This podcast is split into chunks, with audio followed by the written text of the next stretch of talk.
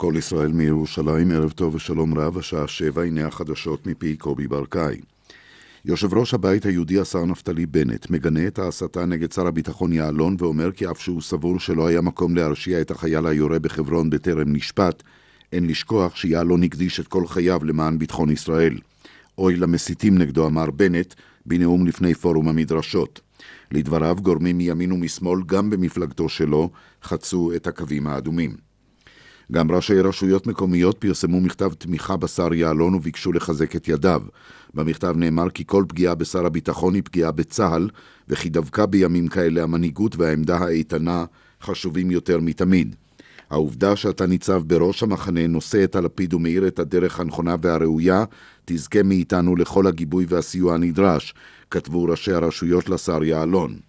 על המכתב חתומים יושב ראש מרכז השלטון המקומי וראש עיריית מודיעין מכבים רעות חיים ביבס, ראש מרכז המועצות האזוריות ומועצת רמת נגב שמואל ריפמן, וראש עיריית תל אביב-יפו רון חולדאי, העומד גם בראש פורום 15 הערים העצמאיות.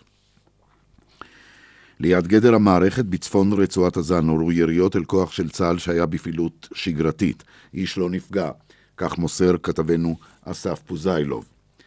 תת-אלוף אופק בוכריס, החשוד באונס חיילת ובמעשים מגונים בקצינה, יוזמן השבוע לעימות עם הקצינה במשטרה הצבאית החוקרת. כתבתנו כרמלה מנשה מוסרת כי החוקרים ממשיכים לחקור גם חשד שבוכריס ניסה ליצור קשר עם מעורבים בפרשה. הוארך בעשרה ימים מעצרו של החייל עומר אבו סבייט, בן 27, המואשם שרצח לפני כשלושה חודשים צעיר בן 21 תושב לקיה. הרצח היה בשל טעות בזיהוי, הנאשם סבר שהצעיר היכה אותו בקטטה בין שתי חבורות באשדוד. הוא ירה מרובה ה-M16 שלו אל מכוניתו של הצעיר, ואחד הקליעים פגע בראשו. חשוד בסיוע לרצח נמלט והמשטרה מחפשת אחריו. כתבנו אסף פוזיילוב מוסר כי משפחתו של החייל טוענת שחשוד שנמלט הוא שירה מנשקו של החייל לאחר שחטף אותו ממנו. נשיא ארצות הברית אובמה אומר כי הילרי קלינטון מעולם לא סיכנה את הביטחון הלאומי בעת שהייתה שרת החוץ בממשלו.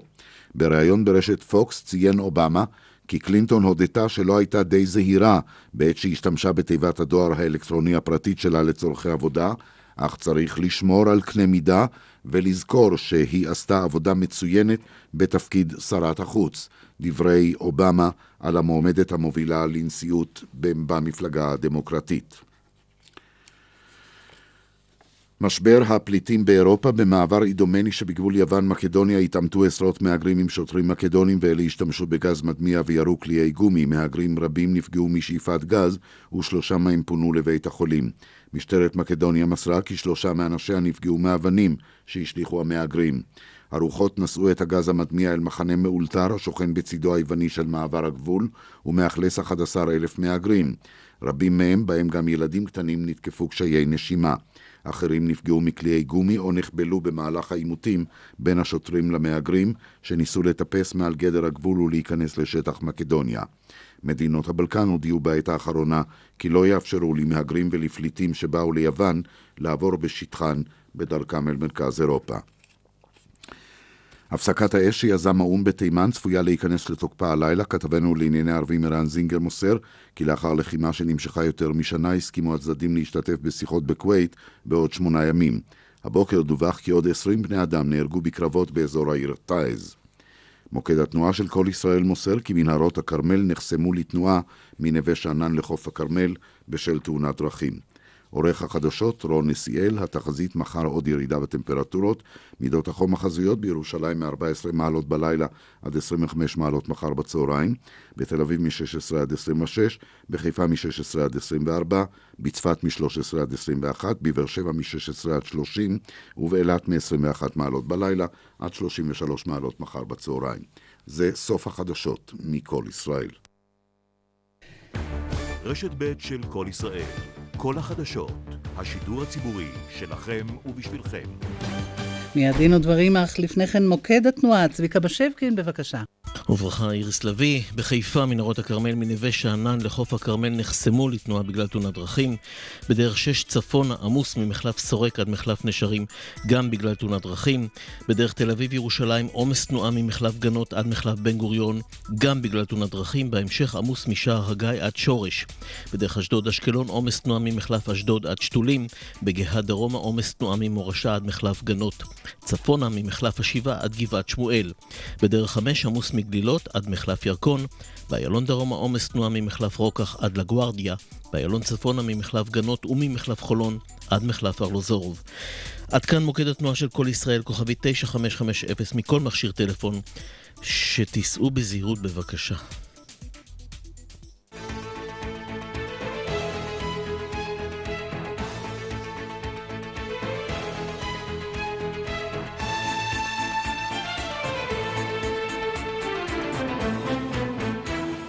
דין ודברים על חוק ערכים ודמוקרטיה ומה שביניהם עם משה נגבי.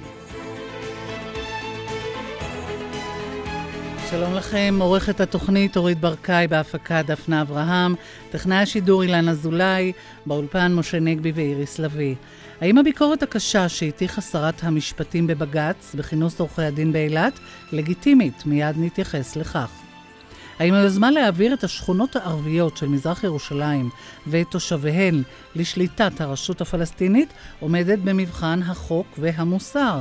באולפנינו מתארח המומחה למעמד המשפטי של ירושלים והמקומות הקדושים, הדוקטור שמואל ברקוביץ', שגם יחשוף את חוות דעתו המשפטית השוללת את סמכות הממשלה להקצות רחבת תפילה לנשים ולזרמים לא אורתודוקסיים בכותל המערבי. אורחנו הפרופסור יובל אלבשן, הדיקן החדש של הפקולטה למשפטים במכללה האקדמית בקריית אונו, יפרוס כאן את חזונו לחינוך ולטיפוח משפטנים בעלי מודעות חברתית. בית המשפט המחוזי אפשר למעסיק לעשות שימוש משפטי נגד עובד בתכתובות מייל פרטיות שלו שנותרו חשופות במחשב המשרד. נשוחח על התקדים הזה והשלכותיו על זכותם של עובדים לפרטיות במקום העבודה עם אורחנו המומחה להגנת הפרטיות, עורך הדין דן חי. כל אלה איתנו, אבל נפתח כאמור במתקפה של שרת המשפטים על בג"ץ משה. כן, ללא ספק, אה, כפי שאמר גם ראש הממשלה, נתניהו לשרת המשפטים, כמו לכל אזרח ואזרחית, זכות מלאה לבקר את uh, פסיקות בג"ץ. אבל מכל אזרח ואזרחית, קל וחומר משרת המשפטים, צריך לדרוש שתטרח לקרוא את פסק הדין לפני שהיא תוקפת אותו. לצערי מתקבל הרושם העגום שאם נניח, ואני רוצה להניח, ששרת המשפטים לא יפתע בזדון את מה שכתוב בפסק הדין על מתווה הגז, מתקבל הרושם העגום שפסק הדין הזה שנגדו יצא בשצף קצף, היא פשוט לא קראה אותו.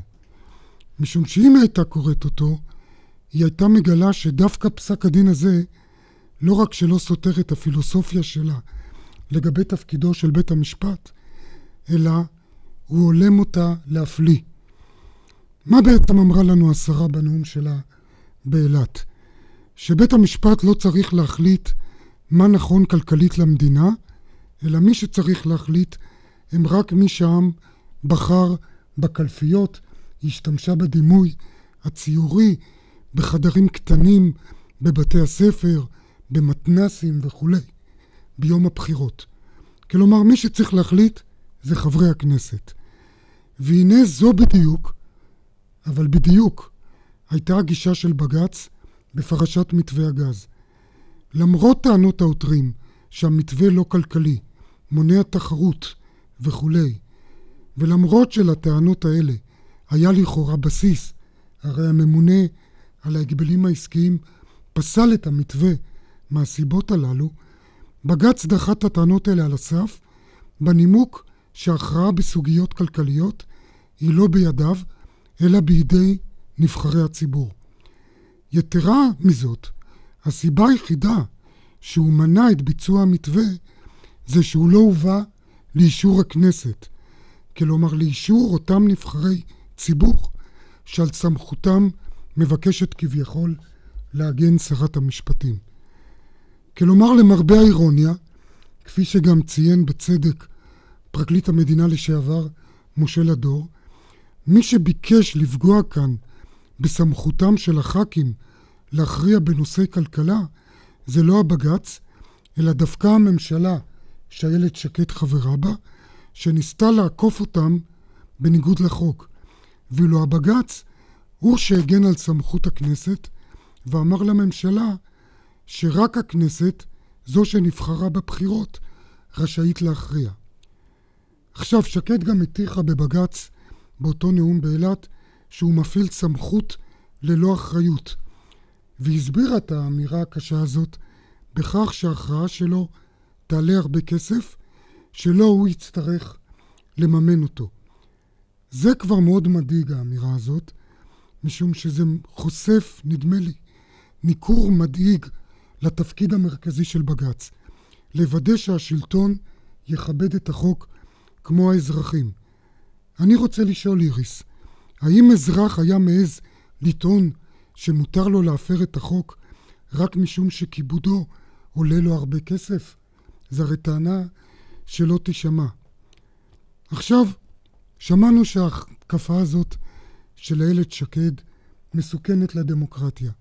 יכול להיות שזה קצת מוגזם, משום שבזכות תיקון לחוק שהעביר בשעתו גדעון סער, כדי למנות שופטים לעליון צריך שבעה מתוך תשעה חברים בוועדה למינוי שופטים, ולכן איילת שקד לא תוכל למנות באופן שרירותי אנשים כלבבה לאותם חמישה מקומות בבג"ץ שמתפנים.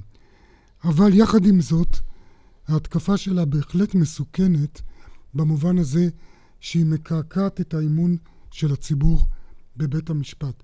הרי הציבור ברובו, גם הוא לא קרא את פסק הדין בנושא מתווה הגז. והוא יוצא מתוך הנחה שמה ששרת המשפטים אומרת משקף את המציאות, וזה פגיעה קשה באמון של הציבור בבג"ץ, ועל כך צריך להצטער. פרופסור יובל אלבשן, איך אתה רואה את המתקפה הזאת? אני, אה, בניגוד לך, חושב שהמצב הוא הרבה יותר מסוכן, ושהמתקפה הזאת אי אפשר אה, להמעיט בכוחה, כי היא לא באה, אם זה היה עולם אידילי ו... אז מה שהשרה שקד אמרה, אפשר להתווכח עליו, אפשר לא להסכים לו, אבל, אבל זה היה משהו אחר. אנחנו פה מדברים ב, על, בסיטואציה שכבר בית המשפט העליון, חלקו הריסות הריסות, שהותירו קודמיה בתפקיד וגורמים אחרים, לא היה צריך את ה-D9 של אה, חבר הכנסת מוטי יוגב כדי לעשות את זה. האמון הציבור גם כך הוא במקומות אחרים, ואנשים מתחילים להבין, ואנחנו רואים את זה בכל מקום, אנשים מבינים שאין סמכות, שאין שופטים, שזה בעצם ויכוח שדבר כנגד דבר, והבעיה הגדולה בעיניי זה באמת הבורות שאנחנו רואים בהרבה מאוד מקומות, הבורות כלפי מהו תפקידו של בית משפט עליון. עכשיו, כאן חשוב לומר, בית משפט צריך להכריע. השופטים עצמם הם לא בני אלוהים, אין להם כנפיים, הם לא, בהקשרים האלה, הם לא שונים מאדם אחר, אלא תפקידם הוא זה שעושה אותם שונה. ולמה אני אומר את זה? כי כאשר אנחנו אומרים שאין שופטים, כאשר אנחנו אומרים, ש... סליחה, שיש שופטים בירושלים, מה בעצם אנחנו אומרים? שאנחנו נותנים לבני האדם האלה, בגלל הסמכות שיש להם, הגלימה על כתפיהם והבימה שהם יושבים עליה, את האפשרות להכריע הכרעות. ברגע שאנחנו מפסיקים לכבד את זה, וזה מה שעשתה השרה שקד, וזה מה שעשו אחרים לגבי חקירת מצ"ח, לגבי היורה ב... החייל היורה בחברון, ועושים את זה בכל מקום, ועושים את זה גם מצד שמאל ומצד ימין, המשמעות היא שאין שופטים. המשמעות היא שדעתם של שופטים היא כדעת האחרים, מה שזה אומר שחברה לא יכולה להמשיך להתקיים. זו הטעות שלה. תודה. עורך דין דן חי בעניין הזה. רציתי רק משהו על המתמטיקה שהזכרת, על התיקון שעשה גדעון סער. בזמנו התיקון נעשה דווקא כדי אה, להחליש את השופטים, וזה מצחיק שהיום מדברים על תיקון הפוך כדי להחליש אותם, כי אז הייתה מין אווירה שיש קואליציה של שלושת השופטים ושני נציגי לשכת עורכי הדין, שזה חמישה מתוך תשעה, אה, אז זה נורא תלוי באנשים, ואי אפשר לדעת אף פעם מה, מה יותר טוב. פרופסור אלבשן, רצית עוד להוסיף? אני רק אגיד שכל אלה שאומרים שהחשש הוא שבית המשפט יוחלש, תשימו לב, בית המשפט חלש. יש לנו בית משפט מפוחד, חסר אומץ, בית משפט שהשופטים שבו, הם כמעט כולם כבר נבחרו סביב העניין הזה של לא להכעיס אף אחד, ולכן כשמי שהיום דורש להחליש עוד יותר את בית המשפט, הלא אקטיביסט הזה, המאוד פסיבי הזה, המשמעות היא שהוא אומר, אנחנו לא רוצים שופטים. זו אולי הסכנה הגדולה ביותר שרמזת על זה. שבג"ץ יתחיל לצנזר את עצמו מראש כדי, לא, כדי שלא יחלישו אותו עוד יותר. דוקטור שמואל ברקוביץ'. אה, הייתי רוצה להוסיף אולי הערה קטנה.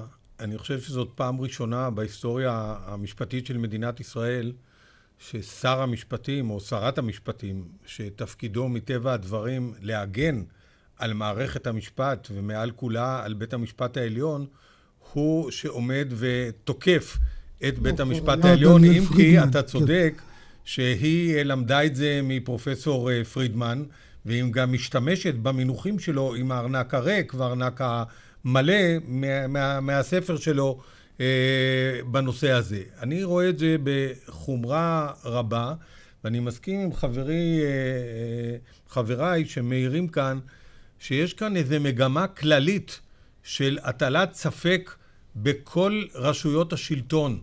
אה, אכיפת רואים, החוק. בכל רשויות אכיפת החוק במיוחד. זאת אומרת, אנחנו רואים את חוסר האמון במשטרה, שאולי הרוויחה את זה אה, בצדק, עם עודף הניצבים שעסוקים בעניינים שמתחת לחגורה. אנחנו רואים את בית המשפט, אני לא לי לפסוק עם המהפכה החוקתית, עם האקטיביזם שהנחיל אה, המשפטן הדגול אהרן ברק, זה נכון או לא נכון, אבל ברור שבית המשפט כל כך נבהל מההתקפות עליו, שהוא עושה מאמץ לא לגלות אקטיביות יתרה, אלא, אלא כשאין לו ברירה, כמו במתווה הגז שרצו להחליט בשביל הכנסת. יש כאן איזו מגמה כללית שרצה עד לחייל היורה בחברון. אגב, בהערה חשובה לעניין הזה, כדאי להזכיר, יש כאן תופעה שמצד אחד כל הכבוד לרמטכ"ל ולשר הביטחון שעמדו על משמר ערכי צה"ל, אבל מצד שני, כאשר המערכת המשפטית חוקרת את העניין הזה, לא נאה לטעמי, אפילו שאני מסכים עם שר הביטחון והרמטכ"ל מהמעט שאני יודע, לא נאה ששר הביטחון והרמטכ"ל יגידו דברים בגנות החייל היורה, והמח"ט שלו יבוא אליו ויגיד לו שזה חמור מאוד, כאשר מתנהלת חקירה ומשפט שעלה במערכה, במערכת שעליה אנחנו צריכים אה, לסמוך. דיברת, דוקטור ברקוביץ', על ההתקפה על כל הרשויות. כמובן, בהקשר הזה עולה גם המתקפה על פרקליטות המדינה. עכשיו, אני לא מסכים, וזה שוב מחזיר אותנו לכנס אילת, אני לא מסכים כמובן לדברים של אה, שי ניצן, פרקליט המדינה דהיום, שזה מסוכן לדמוקרטיה שמותחים ביקורת על הפרקליטות. ברור שביקורת על הפרקליטות היא לגיטימית. אני גם חושב שמותר, ואפילו אולי זה חלק מתפקיד התקשורת, להטיל ספק וסימני שאלה אה, לגבי החלטות של הפרקליטות, והפרקליטות גם לא פעם טעתה, וגם אנחנו פה מתחנו עליה ביקורת. מה שמסוכן אבל, ובחלק מאותן סדרות שהתייחס אליהן אה, שי ניצן, לצערי, זה נעשה, מה שמסוכן זה שתקשורת לא מסתפקת בהעלאת סימני שאלה וספקות, אלא מתיימרת לחרוץ דין. מותר לתקשורת לעורר סימני שאלה. אני חושב שזה לא ייתכן בדמוקרטיה שתבוא תקשורת ותקבע, אני קובעת שאדם שהורשע הוא חף מפשע. את השפיטה צריך להשאיר לשופטים. עוד מילה בעניין הזה, עורך דין יובל אלבשן. כן, אני, בהקשר הזה אני מסכים איתכם, אבל אני מסכים ששי ניצן זו אמירה אומללה, הוא היה, לא היה נכון לומר אותה. צריך למתוח ביקורת על הפרקליטות וגם על בתי המשפט, ובניגוד לחבריי פה, אני לא חושב שתפקידה שתפקיד, של שרת המשפטים הוא להגן על בית המשפט העליון ולעזור לו. אם היא חושבת שבית המשפט הוא צריך תיקון, תפקידה הוא גם להתעמת עם בית המשפט. אלא מאי? שאנחנו לא נמצאים בימים רגילים. אנחנו נמצאים בימים שכל מבצרי שלטון החוק כבר, החומות סביבם כבר קרסו. שומרי הסף. בדיוק. אז היום לבוא ולהטיל עוד אבן במקום שבלאו הכי מת ליפול, אני חושב שבהקשרים האלה גם התקשורת וגם שרת המשפטים, היה נכון שיחשבו האם זה נכון או לא. נסתפק בדברים האלה בנושא החשוב הזה. באחרונה עלתה יוזמה להעביר את השכונות הערביות בירושלים לשליטת הרשות הפלסטינית. ואיתך דוקטור שמואל ברקוביץ', המומחה למעמד המשפטי של ירושלים, אנחנו רוצים לברר ראשית, האם זה חוקי בכלל? ובכן, אנחנו מדברים על התוכנית המדינית שאישרה אה, מפלגת המחנה הציוני ב... אה, לאחרונה בוועידת המפלגה, ועל רקע זה הייתי, נזכיר שקמה ביוזמתו של חבר הכנסת והשר לשעבר חיים רמון, התנועה להצלת ירושלים היהודית, לא פחות ולא יותר. שתי התוכניות האלה מציעות לשלול את מעמד התושבות מ-200 אלף ערבים, מתוך 313 ערבים שיש בירושלים, ולזרוק אותם מעבר לגדר, לאחר ששללנו מהם את, זכויות, את כל הזכויות הנובעות מהמעמד של תושבות.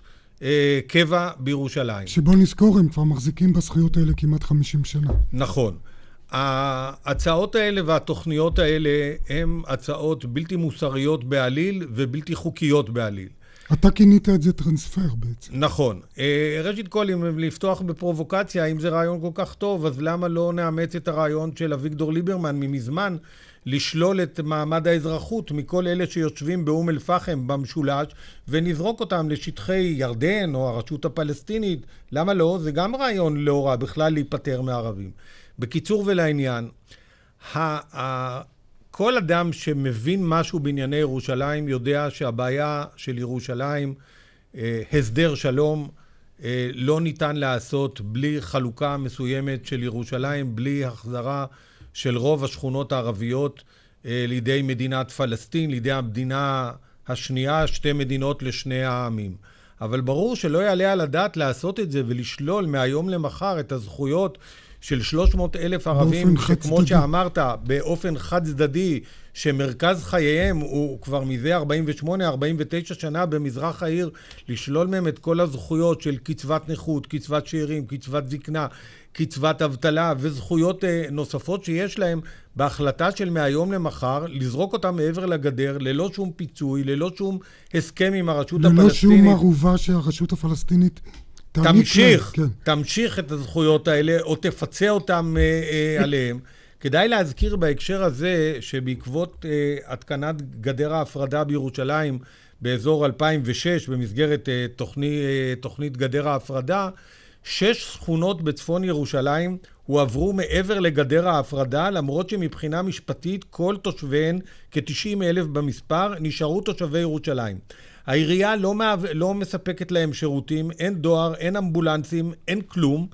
אה, אין אשפה. צפים בזבל בערימות אשפה, מכירת סמים ונשק בגלוי. אז מה, אנחנו באמת רוצים להעביר עוד 300 אלף ערבים למצב הזה? הלוא זה דבר בלתי מוסרי בעליל, אחרי שנתת להם 49 שנה את כל הדברים האלה. זה דבר לא חכם לעשות את זה בלי הסכמה עם הרשות הפלסטינית. זה דבר בלתי חוקי בעליל. גם, ראשית כל מבחינת חוק יסוד ירושלים, שאוסר על הממשלה להעביר שום שטח שריבונות ישראל חלה עליו לידי. גורם זר, בלי החלטת ממשלה שאושרה על ידי חברי הכנסת, שאושרה במשאל עם. כל הדברים האלה, אף אחד מהגורמים האלה לא מציע לעשות. דבר שני, אם נעשה דבר כזה, האם לא נדחוק את הערבים האלה למצב אומלל שכזה, שידחוף את כולם להצטרף לאינתיפאדה השלישית, שהיא מקרטעת, אבל עולה בחיים ובפציעות אה, רבות. לכן, מכל הסיבות האלה, נראה לי שזה צעד בלתי חכם, בלתי מוסרי ובלתי חוקי בעליל. אני רק אה, לחזק את דבריך, אזכיר שלפני כמה שבועות הייתה פה הפרופסור רות לפידות, והיא גם ציינה בהקשר הזה שלדעתה על פי המשפט הבינלאומי, לא רק על פי המשפט הישראלי, אה, אם ינקטו צעד כזה, יהיו חייבים לתת לאותם תושבים פלסטינים של ירושלים אה, את האופציה להשתקע בתחומי מדינת ישראל, ואי אפשר יהיה לאלץ אותם אה, להפוך לתושבים של הרשות הפלסטינית. אני רוצה לנצל את נוכחותך פה, דוקטור ברקוביץ', אתה מומחה למעמד של המקומות הקדושים. גם כתבת יותר מספר אחד אה, בנושא הזה. אני מבין שאתה חיווית את דעתך שבעצם אותה החלטת ממשלה שחייבה את שר הדתות להקים את אותה רחבת תפילה חדשה לזרמים הלא אורתודוקסים ולנשות הכותל אה, ליד קשת רובינסון, ליד הכותל, ההחלטה הזאת היא בעצם אה, בלתי חוקית. הממשלה לא יכולה לאכוף את ההחלטה הזאת. אולי תסביר. אה, אכן נכון, אני כתבתי חוות דעת משפטית לבקשתה של עמותת בצדק, שבה הבעתי דעתי שההחלטה הזאת היא לצערי חסרת תוקף. לפי החוק במדינת ישראל, הסמכות הבלעדית לקבוע את המקומות הקדושים ולקבוע את סדרי התפילה וההתנהגות בהם ניתנה בחוק השמירה על המקומות הקדושים לשר הדתות, הוא בעל הסמכות הבלעדית לעשות את זה, כפי שהוא עשה למשל בתקנות השמירה למקומות קדושים ליהודים, 1981, שבהן הוא קבע את סדרי ההתנהגות והמקומות הקדושים, איזה 20 מקומות קדושים. בקיצור, לא יעלה על הדעת שהממשלה תשלול מהשר, בלי להגיד על זה, את הסמכות הזאת, תמנה צוות שיחקור את השאלה, יגיע למסקנות, יחייבו את השר להתקין תקנות שקובעות את האתר תפילה הרפורמי באתר קשת רובינזון, גם כן בעיה לא פשוטה, כי הרי זה אתר ארכיאולוגי בעל חשיבות אה, אה, אדירה, וכל זאת בלי לשאול את שר הדתות לדעתו, ועוד יותר מזה, בחוק השמירה על המקומות הקדושים נאמר ששר הדתות יתקין תקנות לביצוע החוק בהתייעצות עם נציגי הדת הנוגעים בדבר. הלכה פסוקה היא שנציגי היהדות הנוגעים בדבר זאת הרבנות הראשית, והרי ידוע ש... לא רק הרבנות הראשית, אולי גם נציגי ה... לא, הרפורמים... לא, כשאני... לא, לא, לא, לא. אז כשיהיה ברור, יש הלכה פסוקה של בג"ץ, כן. אה, במספר פסקי דין, אני לא אמנה אותם אה, כרגע, שהאוטוריטה הדתית העליונה ונציגי הדת הנוגעים בדבר, זה נאמר למשל בבג"ץ חוגים לאומיים על ידי השופט קיסטר, ובפסקי דין אחרים, בפסק הדין הראשון של נשות הכותל, אומר את זה השופט אלון. נצ... נציגי הדת הנוגעים בדבר, כאשר מדובר במקומות קדושים ליהודים, זה הרבנים הראשיים, ולא יעלה על הדעת שיכריחו את הרבנים הראשיים אה, לקבל פסיקה או הכתבה מהממשלה להקים מקום קדוש חדש, לא ליד הכותל המערבי, אלא בכותל המערבי, בחלקו הדרומי, ליד אתר קשת רובינזון. כי הסמכות הבלעדית היא לשר הדתות, וההלכה פסוקה היא ש... אי אפשר להתערב בצורה כזאת, בתכתיב כזה, בסמכותה העצמאית של רשות שקיבלה אה, את התפקיד הזה. מה שאתה אומר זה שבעצם לא עשו שיעורי בית אה, לפני קבלת ההחלטה הזאת, ואני אטעה מאוד אם אני אחשוד שחוות הדעת שלך, דוקטור ברקוביץ', אולי גרמה גם היא לכך שכל היוזמה הזאת בעצם נתקעה. אנחנו שומעים שכבר מחפשים איזה פתרון אחר. בנושא הזה? תראה, אני לא רוצה לזקוף לעצמי אה, כתרים שאין לי ונוצות שאף אחד לא העניק לי, למרות ששמעתי, דרך אגב, סברה כזאת מכמה אתרים חרדים שראיינו אותי אה, אה, בנושא. בטח סמכו על חוות דעת. נכון. אני חושב שהסיבה לכך היא שפשוט העניין הזה... כאן יושבים אנשים חילוניים, אבל העניין הזה וגם בציבור... וגם אתה חילוני. אני לא רוצה, אני כששואלים אותי, אז אני אומר שאני מאמין באלוהים, נעזוב את הדת שלי כרגע. מכל מקום, מה שאני אומר, אנחנו מדברים עכשיו כמשפטנים. אה, לציבור החרדי, הקמת רחבת תפילה רפורמית בכותל המערבי, זה נחשב כחילול הקודש, כעבודה זרה ממש. הם מתנגדים לזה מנימוקים הלכתיים בצורה נחרצת ביותר, ולכן זהו הרקע להתנגדות שלהם, וכאשר יש לנו ממשלה קואליציונית, אי אפשר סתם ככה להדיח את שר הדתות או לקחת ממנו את הסמכויות בלי שהממשלה תיפול. כמובן צריך uh, להדגיש מהצד השני ששלילת האפשרות להתפלל על פי אמונתם מהרפורמים, מהקונסרבטיבים ומנשות הכותל זה פגיעה בציפור הנפש של מה שהם רואים כקדוש להם, באותה מידה. אכן. אכן זו פגיעה אולי בציפור הנפש שלהם, אבל אולי נסיים את העניין הזה בזה שאני אגיד, הרי לפי היהדות אלוהים מצוי בכל מקום, כבודו מלא עולם אנחנו אומרים את זה בתפילה, לית אתר פנוי מיני, אין מקום פנוי מאלוהים. אז חייבים להתפלל דווקא מול הקיר? עד כאן בנושא הזה. תודה רבה לך, דוקטור שמואל ברקוביץ', מומחה למעמד uh, המשפטי של ירושלים. אנחנו נצא לקצת uh, פרסומת, עדכון חדשות, ונחזור כאן בדין ודברים.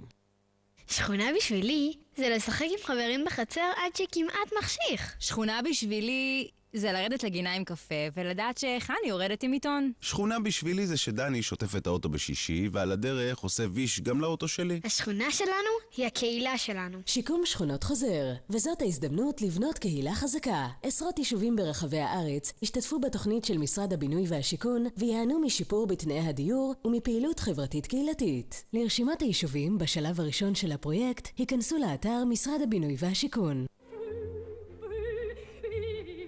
האוהבים הצעירים מוורונה מגיעים בפעם הראשונה אל האופרה הישראלית, באופרה המרגשת מאת גונו, רומאו ויוליה. אל תחמיצו את סיפור האהבה הגדול שלא מפסיק לרגש, והזמינו כרטיסים עוד היום, בטלפון 03-692-7777.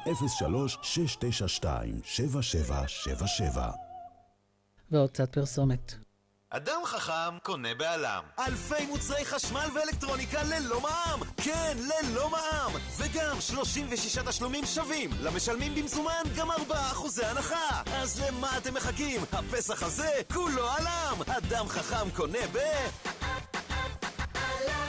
היי, זה שייקה. עכשיו כשבשוק מסתובבים להם כל מיני בשרים שלך תדע מי, מה, מתי, כמה, איפה, למה, אז שואלים אותי, שייקה, איך אפשר לדעת שהבשר איכותי? ואני אומר, יש כלל אחד פשוט פשוט. אם זה אדום אדום, זה בטוח בטוח. אז תגידו לקצב, או אדום אדום, או שלום שלום. שבע וחצי, קובי ברקאי עם עדכון החדשות. שלום, ערב טוב. ראש הממשלה נתניהו אומר כי במובנים מסוימים השלום עם מצרים חזק היום יותר משהיה אי פעם, וזאת מול אתגרים קשים מאוד לשתי המדינות. בעניין אחר אמר כי הירידה במספר הפיגועים היא תוצאה בין השאר של הפעילות הנחושה נגד מוקדי הטרור בכל מקום ביהודה ושומרון. ליד גדר הביטחון בצפון רצועת עזה נורו יריות אל כוח של צה"ל, איש לא נפגע. נחקר חשד כי תת-אלוף אופק בוכריס, החשוד באונס ובמעשים מגונים, ניסה לשבש את החקירה ויצר קשר עם אחד המעורבים בפרשה. בוכריס יזומן השבוע לעימות עם אחת המתלוננות. נשיא ארצות הברית אובמה אומר כי הילרי קלינטון מעולם לא סיכנה את הביטחון הלאומי בעת שהייתה שרת החוץ בממשלו. התחזית, מחר עוד ירידה בטמפרטורות. זה העדכון מחדר החדשות.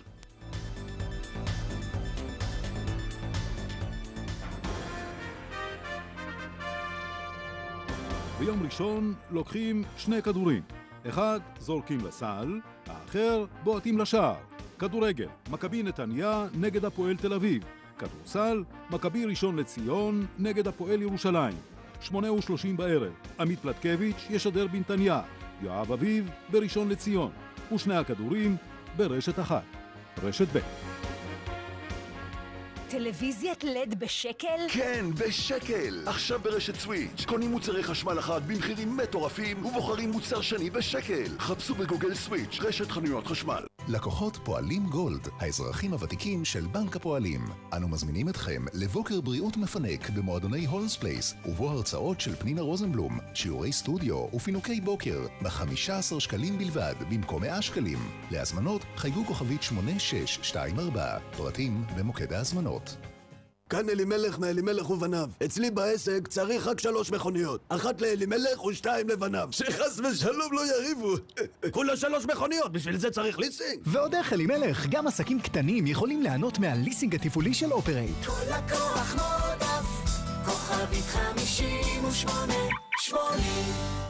מיקסר מקצועי בשקל? כן, בשקל! עכשיו ברשת סוויץ' קונים מוצרי חשמל אחד במחירים מטורפים ובוחרים מוצר שני בשקל. חפשו בגוגל סוויץ', רשת חנויות חשמל. תגידו ביי, לעבדים היינו, ללכלוך ולניקיון בבית. תגידו, איי רובוט. איי רובוט, התקשרו כוכבית 3055, איי רובוט. לקנות, לקצוץ, לטגן, לבשל. בפסח הזה, מבושלת תבשל לכם. כאן ג' יפית, חברת מבושלת, מכינה ארוחת חג מושלמת, מנות מגוונות, טעימות וגם כשרות, המגיעות עד הבית. הזמינו עכשיו כוכבית 8050 או חפשו בגוגל מבושלת. אני בחרתי מבושלת. נקודה.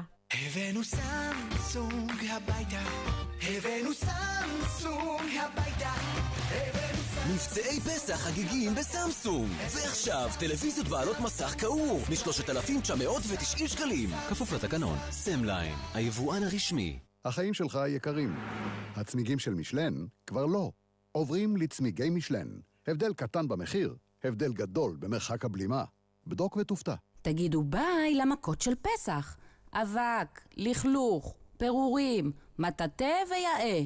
תגידו, איי רובוט. איי רובוט, התקשרו כוכבית 3055, איי רובוט. הבאנו סמסונג הביתה, הבאנו סמסונג הביתה, הבאנו סמסונג. מבצעי פסח חגיגיים בסמסונג.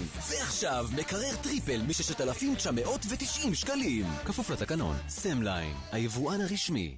בואו נודה על האמת, כאבי הברכיים וכאבי הגב מונעים מאיתנו רבות מהנאות החיים. הליכה, יציאה לטיולים, עלייה במדרגות. לא חבל. אם תתקשרו לאפוסטרפיה, תוזמנו מיד לבדיקת הליכה ממוחשבת ולאבחון קליני של פיזיותרפיסט, ותותאם לכם טכנולוגיה רפואית כדי שהעומס על הברכיים ועל הגב ירד והכאב יפחת. הבדיקה חינם, והטיפול בהשתתפות הביטוחים המשלימים של קופות החולים. חפשו בגוגל אפוסטרפיה, או התקשרו כוכבית 2767. עכשיו באולמות התצוגה, פולקסווגן, פסאט וטיגואן, מ-990 שקלים לחודש למשך 36 חודשים בתשלום מקדמה, והיתרה בתום התקופה. היכנסו לאולמות פולקסווגן, או חייגו, כוכבית 6511, כפוף לתקנון. פולקסווגן. אדם חכם קונה בעלם ב-36 תשלומים שווים ללא מע"מ ולמשלמים במזומן גם 4% הנחה אדם חכם קונה ב...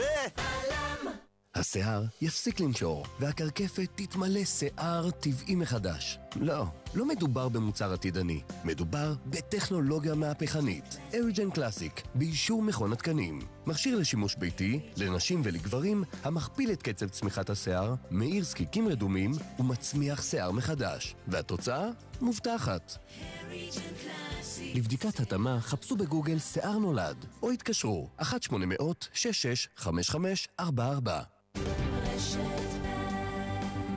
חזרנו כאן בדין ודברים, ועכשיו אליך פרופסור יובל אלבשן, הדיקן החדש של הפקולטה למשפטים במכללת קריית אונו, ואתה מייחס חשיבות רבה לטיפוח משפטנים בעלי מחויבות חברתית. מה זה אומר בעצם מבחינת הסטודנט? זה אומר... והעורך ש... דין שבעתיד. כן, המשפט... זה אומר שהמשפט הוא לא מקצוע רגיל. המשפט הוא לא סתם שירות. אנחנו לא רק אינסטלטורים שפותחים סתימות משפטיות ובונים צינורות ומזרימים מים. המשפט הוא, הוא, הוא, הוא תמיד היה הרבה יותר מזה. המשפט הוא, במשפט כרוכה שליחות חברתית. ואנחנו מנסים את הסטודנטים שלנו לחנך לזה כבר מהשנה הראשונה. שהם יבינו שעם הגלימה ועם ההוקרה החברתית וגם עם הפרנסה מגיעות... מגיעה אחריות שזה לא רק מעורבות חברתית, זה לא רק לקחת תיק פרו בונו אחד ככה לשנה או אפילו שניים, זה לא רק אה, ללמד שיעורי אזרחות או כל מיני דברים כאלה שאני לא מבטל ולא מזלזל, אלא ש-24 שעות ביממה, שבעה ימים בשבוע, יש להם אחריות חברתית. אבל מה זה אומר? הרי אנחנו יודעים שעורכי דין גובים, וגובים סכומים לא, לא, לא מבוטלים. זה לא אומר אה, או פרו בונו בהתנדבות לא, כל לא, הזמן. לא, לא, אנחנו לא... אז איפה לא נכנסת מחנכים, לא, החברתיות? לא, אוקיי, זהו, זה, זה לא אומר להיות עורך דין, ה-cause lawyer, כמו שנגיד מהעולם שאני בא. מחנכים לצדק, לא לצדקה. נכון, זאת, וגם, וזה נכון, וזה גם נכון לגבי אותם uh, סטודנטים, משפטנים לעתיד. חלילה, אנחנו לא מתכוונים שהם לא יגבו כסף, להפך, אנחנו רוצים שיתפרנסו, ופרנסה כמה שיותר, שתיתן להם חיים כמה שיותר באושר. אלא מאי, שגם במקומות האלה, כשאתה מתפרנס, כשאתה במשרד עורכי הדין היוקרתי שלך, יש לך אחריות חברתית. אני אתן לכם, אני אסביר אולי בסיפור קטן, שמסביר את ההבדל בין השיטה האמריקאית של עורכי הדין האמריקאים, שנקראת social involvement, מעורבות חברתית, לבין מה שאנחנו טוענים לו שזו אחריות חברתית. כאש... מקרה שאני טיפלתי בו, כאשר משרד עורכי דין מאוד מאוד גדול בתל אביב, אני לא אפרט איפה, אבל כולם סביב השולחן הזה וכל המאזינים שלנו מכירים אותו, עושה תיקי פרו בונו כנראה ב- ביד רחבה, וכל עורכי הדין שבו נותנים שיעורי עזר דרך כל מיני אה, עמותות שעוזרות באזרחות לכל מיני בתי ספר כאלה ואחרים. אבל כאשר אותו משרד ייצג קבלנים בפרויקט פינוי ובינוי, הם התייחסו למשפחות שגרו באותה שכונה בתל אביב, שהגירו את זייתם שם בשכונה הזו למש... במשך מעל 30 שנה, בצורה שרמסה כל זכויות, לא הסבירה לצד השני מה, ש... שהם לא מייצגים אותם, גרמה לזה שאנשים הפסידו פה הרבה מאוד, גם דמים רבים, הרבה מאוד כסף וגם את הזכויות שלהם, ואחר כך אותו עורך דין, מתוך גישה שאנחנו קוראים לה בולי לוירינג, של עורך דין בריון, שכאשר אני מייצג את הקבלן, נותן הכסף, אז אני עושה הכל כדי להשביח את ה... כדי להעמיק את כיסו ולהשביח נגיד את נכסיו, ואגב זה אני רומס את הצד שני, לא אמרו להם שיש עמותות שיכולות לתת סיוע משפטי, לא אמרו להם שהם לא מייצגים אותם, לא אמרו כלום. ואחרי זה, בשעות הערב, הם חזרו ונתנו את השיעור הפרטי. אז אני אומר, זה, זו עסקה לא כדאית. זה מזכיר את מה שקורה במנהל עסקים, כאשר המעביד עושק את הפועל, ואחר כך תורם כסף למתנ"ס של הבן של הפועל. אז אנחנו לא רוצים את זה. אני לא רוצה שיעשו פרו בונו, אני לא רוצה שייתנו שיעורים פרטיים, אבל אני כן דורש שכאשר הם עומדים מול צדדים מוחלשים, שלא ישכחו את המצפון. בדי... לא מצפון, את המקצועיות, משה, זה לא מצפון. זה לא רק לב וכליות, זה המקצועיות. להגיד לצד השני, חברים, אני לא מייצג אתכם, אני לא עורך דין שלכם, לכו תמצאו לכם עורך דין, ואם ידכם לא משגת, לכו לעמותות לסיוע משפטי, לכו לסיוע משפטי הממלכתי, זה הכל, לא דורשים מהם שום דבר אחר. לצערי, גם זה היום כבר נתפס כמשהו שהוא לא מקצועי, כי הרי אני בולי לויר, אני עורך דין איך אתה מטפח את זה, למשל, תוך כדי לימודים? בצורה של חומר לימודים, או רק בתובנה ותודעה? אז הסטודנטים אצלנו לומדים שלושה קורסים. הקורס הראשון זה קורס שנקרא התנדבות בקהילה, זה קורס שבו הם יוצאים לעבוד ובצורה מפוקחת ומבוקרת, עם רגל פרקטית ורגל תאורטית, לומדים להכיר גם את הצדדים האחרים באוכלוסייה. נכון שאוכלוסייה שלנו היא אוכלוסייה מאוד ייחודית, במובן הזה שלומדים בה כל אלה שמעולם לא הייתה להם הזדמנות ללמוד במקומות אחרים. אתם בעצם מכללה רב-תרבותית, אפשר אנחנו לא בעצם, אנחנו מכללה רב-תרבותית בהמון המון מושגים, וגם אלה שמשלמים שכר לימוד שלם, זה אנשים שבדרך כלל לא הייתה להם הזדמנות באמת לעשות, ללמוד כמו שצריך, לא בשנות התיכון שלהם, ובוודאי לא אחר, לאחר מכן. אבל בכל זאת הם צריכים להכיר את האוכלוסיות האלה. בשלב הבא, בשנה השנייה, הם לומדים קורס על החברה הישראלית, כי לפני אחריות חברתית, בואו נבין מה זו החברה. ובשנה השלישית הם לומדים את המשפט ככלי שינוי חברתי. ואז הם לומדים בדיוק את הגישה הזאת. שוב, אנחנו לא מצפים מכולם להיות, אני לא יודע מה, קלרנס דרו, עורך הדין המפורסם, או לא יודע מה, להקדיש את כל חייהם רק לשינוי חברתי. אנחנו כן דורשים מהם לא לשכוח שהסיבה שהמקצוע הזה הוא מקצוע ברישיון, שלא כל אחד יכול לעסוק בעריכת דין, זה שהחברה הבינה שבמקצוע הזה טמונה שליחות, ולכן גם כשהם נותנים את השירות למשלם, יש להם חובה. כשאתה דיברת על אותם עורכי דין שמצד אחד מתיימרים לסייע ומצד שני מייצגים קבלנים, לא יכולתי... לא, לא, ש... אין, לי, אין לי בעיה עם המייצגים קבלנים. יש לי בעיה כן. כשמייצגים בצורה בריונית, שרומסת לחלוטין. אז בדיוק הבריונות הזאת הזכירה לי גם אותם פרקליטים שרוממות זכויות האדם בפיהם, אבל מצד שני לא מהססים כשהם מייצגים עברייני מין לתקוף מתלוננות ולהכפיש אותם בצורה הנקלט ביותר. שזה נורא כמובן. אני רוצה לשאול אותך, אבל האם לדעתך העובדה שעד היום לא הייתה מודעות חברתית אולי מספקת מהסוג שתיארת, גרמה לכך שעד היום אין לנו בעצם הגנה על הזכויות החברתיות. בישראל אין לנו חוק יסוד זכויות חברתיות. גם וגם, גם וגם. הסיבה שלא, שלא היה לנו... אה... שאין לנו זכויות חברתיות, זה כי כל אלה שישבו ליד ההגה, החל משופטי בית המשפט העליון, עבור במחוקקים, בכנסת ואחרים, לא דרשו ולא ביקשו שיקימו. אבל אני לא הייתי רוצה ליצור קשר, משה, בין השניים.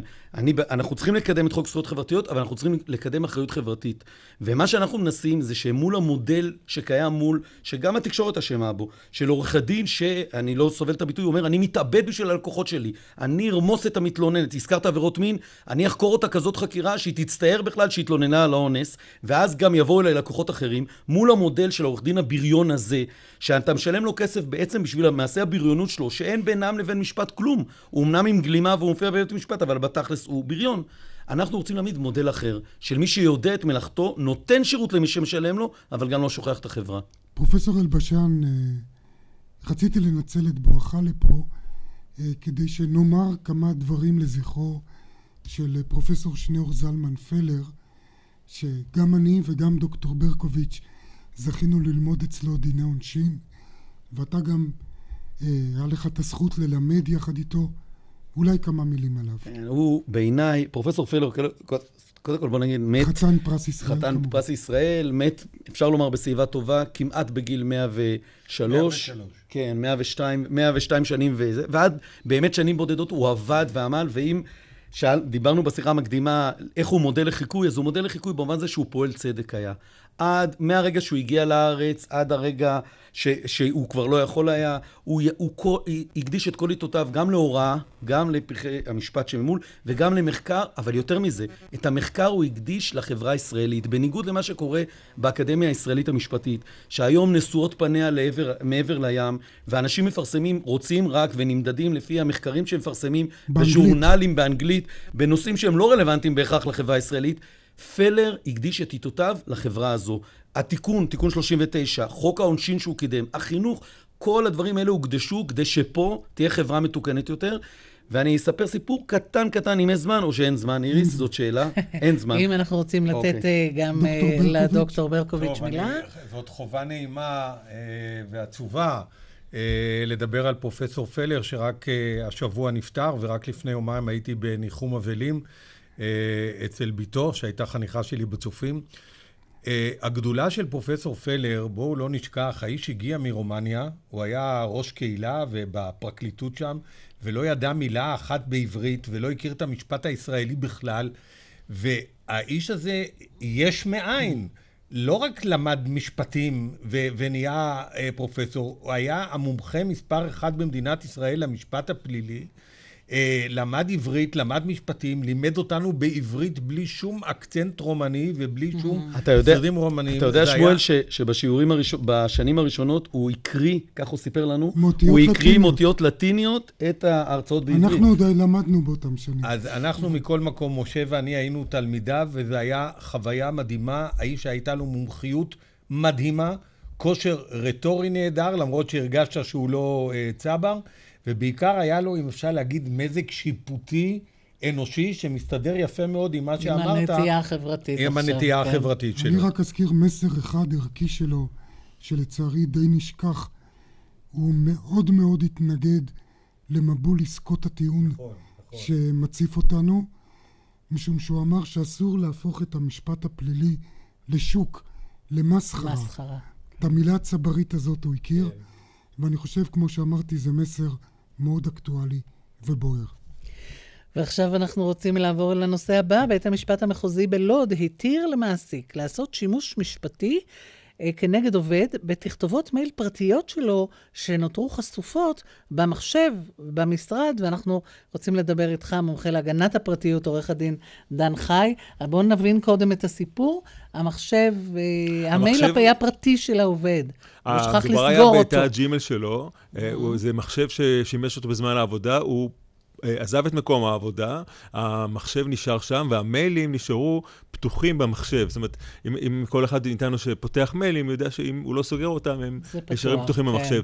ואז האדם שבא אה, לפרמט את המחשב ולהכין אותו לעובד הבא, פתאום ראה את המיילים האלה פתוחים, והסב את תשומת לב המעביד, ובמיילים האלה היה את? החומר המרשיע שלמעשה אה, גנבו מידע פנימי מהחברה כדי להקים חברה מתחרה, אותו עובד יחד עם הבן שלו, תוך כדי העבודה שם, לפי הנטען במשפט, אה, הקים אה, חברה מתחרה, ואלה הראיות בעצם המרשיעות, אה, או הראיות שאמורות לעשות את ההבדל במשפט. מדובר הוא בהחלטה... הועמד למשפט? כבר? מדובר בהחלטה מקדמית שביקשו לפסול את הראיות עוד לפני הגשת כתב ההגנה, והשופטת שם נתנה החלטה וקבעה שזו החלטה שהיא היא תבחן אותה שוב בשלב הגשת הראיות, לפי הראיות שיהיו. צריך להבין שההחלטה הזאת היא עוד איזושהי חוליה בכל הסיפור הזה של השאלה של פרטיות העובדים. אנחנו כולנו מכירים את פסק הדין שניתן לפני שנים אחדות בעניין של טלי איסקוב בבית הדין, ה- בית הדין הארצי לעבודה, אה, ששם קבעו אה, אה, כללים מאוד מאוד נוקשים של אה, שימוש של מעביד, או אפשרויות של מעביד לפגוע בפרטיות של עובדים. אה, נקבע שם שלמרות שבחוק הגנת הפרטיות נקבע שהסכמה יכולה להיות גם הסכמה מכללה, אמנם מדעת, אבל מכללה, בזמן שביחסי עובד מעביד, ההסכמה הזאת צריכה להיות מפורשת, אה, החלטה שהיא מנוגדת לחוק. אה, ועוד אה, החלטות אה, נוקשות אחרות לגבי הדרך שבה יש לקבל הסכמה של עובד היה מקובל לפגוע לחשוב שבלי בפרטיות הסכמה שלו. מפורשת של העובד, אסור למעביד להיכנס למייל הפרטי במייל. שלו, כן. אבל פה השופטת עשתה הבחנה במקרה נכון, החדש. נכון, היא הבחנה פה, נכון, היא אמרה... זה לא שהמעביד נכנס למחשב אה, כדי לקרוא את המייל, אלא במקרה הוא נתקל בו, והיא ייחסה לזה חשיבות. נכון, היא אמרה שהרשלנות של העובד בזה שהוא השאיר את המייל פתוח, מראה שבעצם לא היה אכפת לו. שם, במקרה של טלי סקוב, דובר על מיילים שהעובד שלח אותם לדואר הזה, לפח הזבל, ב- ל- הוא, הוא עשה דליט על המיילים האלה, והם נשארו בדואר הזבל במשרד עצמו, אה, בשרת של המשרד, ואז בשרת משכו אותם ואמרו שזה פגיעה בפרטיות. פה הוא השאיר אותם פתוחים, אז בעצם אה, אפשר להראות שלא היה אכפת לו, ככה אמרה השופטת. אבל אני חושב ש... כמו שאמרת, הרבה פעמים פשוט שוכחים. נכון, זה לא נכון. שלא אכפת. אבל אני חושב שכל הנושא הזה שצף עוד פעם, של פרטיות בעבודה, מעלה בכלל את כל הנושאים שראוי היה מזמן שהמחוקק יטפל בהם. פרטיות בעבודה, בפסק דין של טלי איסקוב, הלכו והלבישו את חוק יסוד כבוד האדם וחירותו, סעיף 7, שמדבר על פרטיות, על הזכויות שבין אדם לחברו. אמרו שביחסי עובד מעביד, כדי לפגוע בפרטיות צריך לבוא דרך אותם מדדים של חוק היסוד, של צמידות מטרה, מידתיות וכל הדברים החשובים האלה, שזה הכל מאוד מאוד חשוב, אבל אני לא חושב ש... שנושא כל כך מהותי צריך אה, להתבסס על פסיקה ש, שהיא יכולה מחר להשתנות. בית הדין הארצי לעבודה לא משפיע על בתי משפט שלום. נכון, וגם בתי, יש פסיקות קודמות של בתי משפט שלום, שהם לא כפופים לבית הדין לעבודה, אה, בית הדין הארצי לעבודה שפסקו אחרת, שגם מספיקה הסכמה מכללה של אה, אה, עובד לפגיעה בפרטיות. אני חושב שהנושא הזה צריך להיות מוסדר. בכלל, כל שורה, הרבה, הרבה, הרבה מאוד נושאים שקשורים לפרטיות, שהם פרי הקדמה, כמו מצלמות במרחב הציבורי, וראוי היה שהמחוקק יטפל בהם. אני לא מדבר על מאגרי מידע, שהחוק הוא באמת מיושן, פעם אחרונה שונה ב-96, ראוי היה שהמחוקק יטפל בהם. ויש להצטער שהמחוקק לא נדרש לזה. המחוקק עסוק בכל מיני דברים אחרים. אני ליוויתי לא מזמן בכנסת מטעם הלשכה את חוק נתוני אשראי, ששם הקימו עוד מאגר מידע שפוגע בפרטיות של כולנו. ועכשיו ו... גם האריכו את הפיילוט של המאגר הביומטרי. האריכו את הפיילוט של המאגר הביומטרי. שאתם בלשכת עורכי הדין מתנגדים. מאוד מתנגדים, בהחלט. גם שם ליוויתי מטעם הלשכה את החוק הזה. אני, אני חושב שראוי היה שיעסקו, מדברים על זכויות, מדברים על עידוד של זכויות, ראוי שיעסקו בזכויות האלה גם בחקיקה, ולא רק יסתמכו על בתי המשפט, ואחר כך יבואו ויכעסו שבתי המשפט קובעים אקטיביסט, אקטיביסטים מדי וקובעים כל מיני כללים. אין להם ברירה, הנה, אני רואה את תחום הפרטיות, אין להם ברירה. אני חושב שראוי היה שהמחוקק יידרש לזה, ויקבע כללים מאוד ברורים, וגם כל הנושאים האלה של פגיעה בפרטיות, ראוי היה שיהיה ערנות יותר גדולה לכל המאגרים האלה שמקימים. זה אסון, זה בסוף יתנפץ עלינו, ואני חושב שחבל. אני, אני, מצחיק, אני ביום-יום מייעץ דווקא למעסיקים, איך אפשר לעשות את זה ולקבוע כללים ולקבוע נהלים, ואנחנו הולכים על, על קצות האצבעות, כי אנחנו יודעים שההחלטה הזאת של בית הדין הארצי יכולה מחר להשתנות, ולא חושב שככה ראוי להתנהל במדינה מתוקנת. דוקטור ברקוביץ', מילה אחת. הערה אחת לחברי. אני מסכים עם כל מילה שאמרת, אבל אני חושב שצריך להדגיש כאן נקודה אחת, והיא הנקודה שלפעמים אינטרס הציבור כמו כאן, שזה על גבול הפשע, תאר לך שהעובד הזה שעשה עבירה חמורה, תאר לך שבמיילים שלו היה אה, נתונים של תכנון של שוד בנק. ואת זה היו מוצאים ומביאים אה, כנגדו. האם גם אז היית אומר כן. שהגנת הפרטיות גוברת? לא, לא, לא, כל מה שאמרתי, כל מה שאמרתי הוא שהדבר צריך להיות מוסדר בחקיקה, לזה אני מתכוון. יש את סעיף 32 לחוק הגנת הפרטיות, 32 לחוק הגנת הפרטיות, שעוסק בפסלות ראיות, ודווקא הוא מאפשר, במקרים מאוד מאוד קיצוניים, כן לאפשר את הראייה, דווקא בדוגמה שלך הוא היה מאשר את הראייה. אז אני חושב שהמקרה הזה הוא לא מתאים לעניין. תודה רבה לכולכם, לדוקטור שמואל ברקוביץ', הפרופסור יובל אלבשן, עורך דין דן חי, עורכת התוכנית אורית ברקאי, מפיקה דפנה אברהם, הטכנאי קובי ראובני וקרן בר, באולפן היינו משה נגבי ואיריס לביא. ערב טוב, להתראות.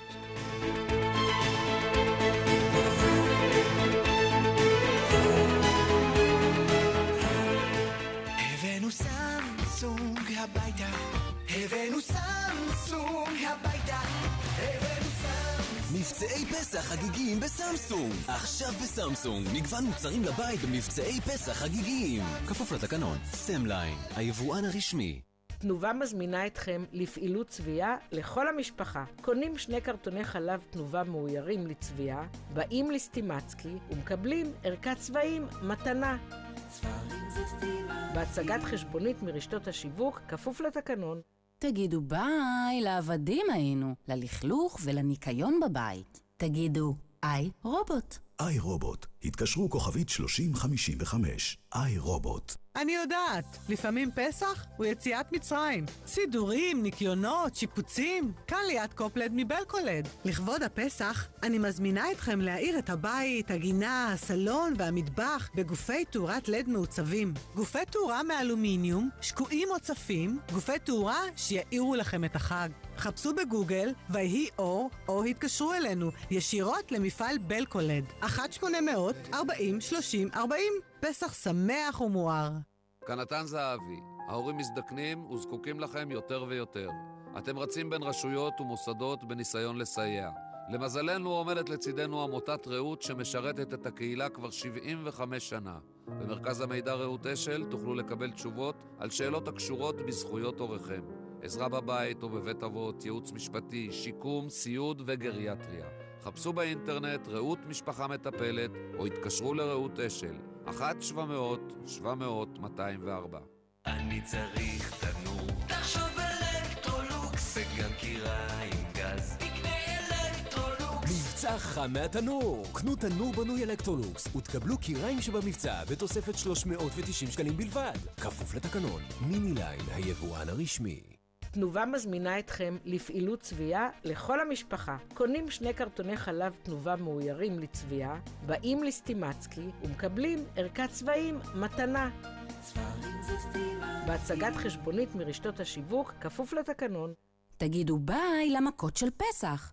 אבק, לכלוך, פירורים, מטאטא ויאה. תגידו, איי רובוט. איי רובוט, התקשרו כוכבית 3055. איי רובוט.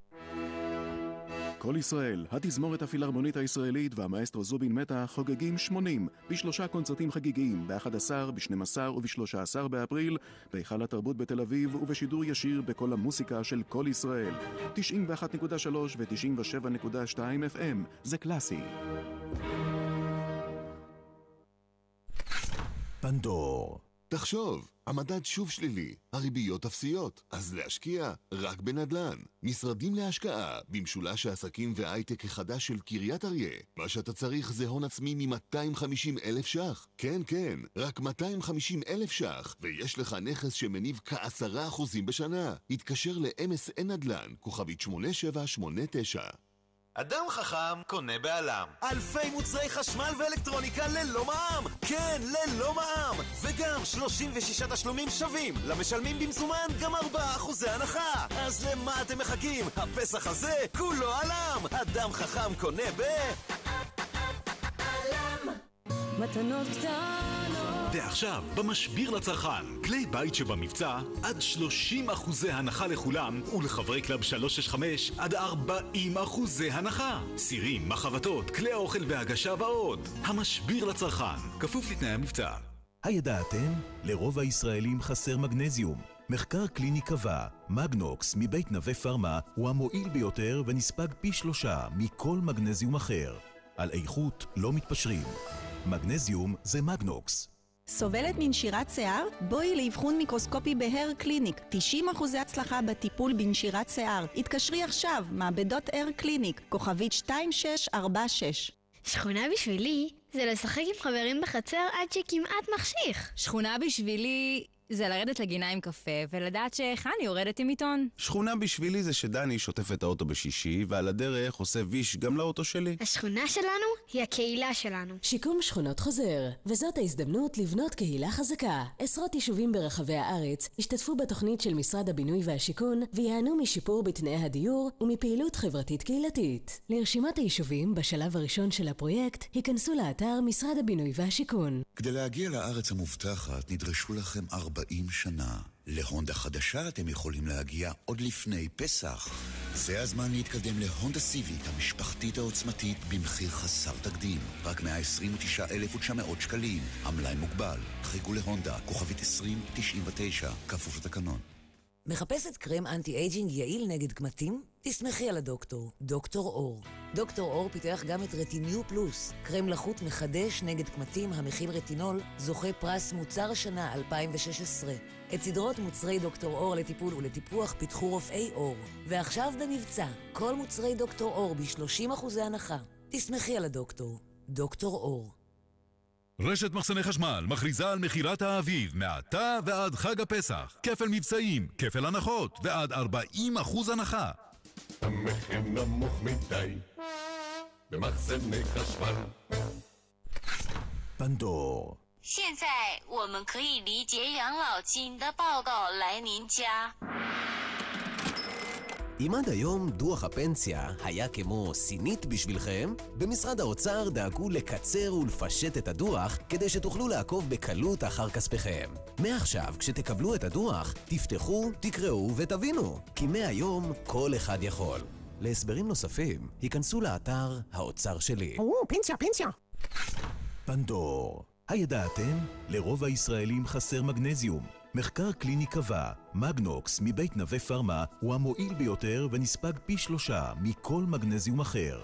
על איכות לא מתפשרים. מגנזיום זה מגנוקס. כל המוסיקה בשלושה שידורים מיוחדים. הטרילוגיה פלוס של הפסנתרן המלחין והמנצח גיל שוחט מהיכל התרבות בתל אביב. במופעים שירים מהקולנוע, שירי טירוף האהבה ושירת התנ"ך. הטרילוגיה פלוס עם גיל שוחט בכל המוסיקה. 91.3 ו-97.2 FM. זה קלאסי. רשת מחסני חשמל מכריזה על מכירת האביב מעתה ועד חג הפסח. כפל מבצעים, כפל הנחות ועד 40% הנחה. המחיר נמוך מדי במחסני חשמל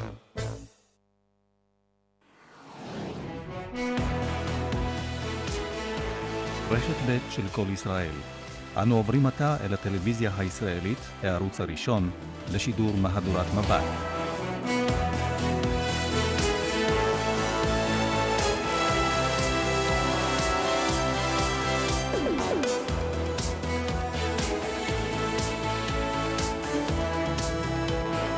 ערב טוב לכם ושלום רב. אנחנו נתחיל הערב בהיעלמה של גדר ההפרדה באחת הנקודות המאוכלזות ביותר, באזור מודיעין. עושים את זה פלסטינים בידיעת צה"ל, אבל כנראה לא בידיעת עשרות אלפי התושבים באזור.